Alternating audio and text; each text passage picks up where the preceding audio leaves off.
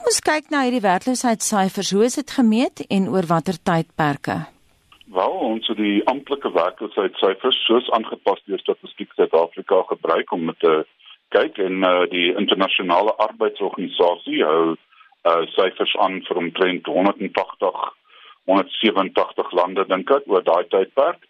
Ehm um, so op jou einde kon ons sien dat ons nie onder die daar is 'n land of twee maar dis 'n eiland met die naam van Salome eilande en dit nie 'n baie groot ekonomie nie maar die feit van die saak is daar is nie lande wat so groot is as Suid-Afrika in die top 50 in die top 100 selfs in die top 150 lande wat so lank 'n werkloosheidsyfer soos Suid-Afrika het nie. Uh as mens na die grootte van die ekonomie kyk nie aan dit dit is 'n baie ernstige situasie en uh dit dit hoor as um in sommige lande wat 'n uh, oorlog het soos Irak en Jemen. Hoe vergelyk ons met die res van Afrika? Wel, uh, dit is iets uh, snaakse dan is dat uh, ons buurlande se werkloosheidsyfers is ook hoër um as die gemiddelde in die wêreld en baie naby aan ons is. Uh, uh Namibië op die Heidelberg se breë werkloosheid is 34%, ons is in 'n 36.8%. Ehm um, ons kyk na Botswana wat so 18% is, Lesotho en Swaziland is ook oor die 20%.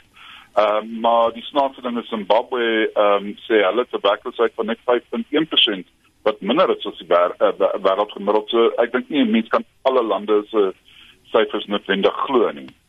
Mike, watter invloed het loonooreenkomste en sektorale vaststellings tussen werkgewers en vakbonde op werkloosheid?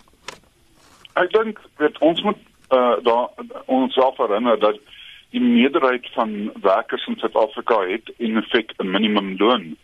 Ehm um, daai minimumlone ehm um, wat bilaterale ooreenkomste met vakbonde aanbetref uh en wat uh bargaining councils aanbetref ehm um, is baie hoër as die 3500. Daar's baie van hierdie loonooreenkomste wat reeds twee keer uh die die loon uh uh, uh as wat die minimumloon voorstel uh is hulle sektorale minimumloon is twee keer daai uh, meer as twee keer daai.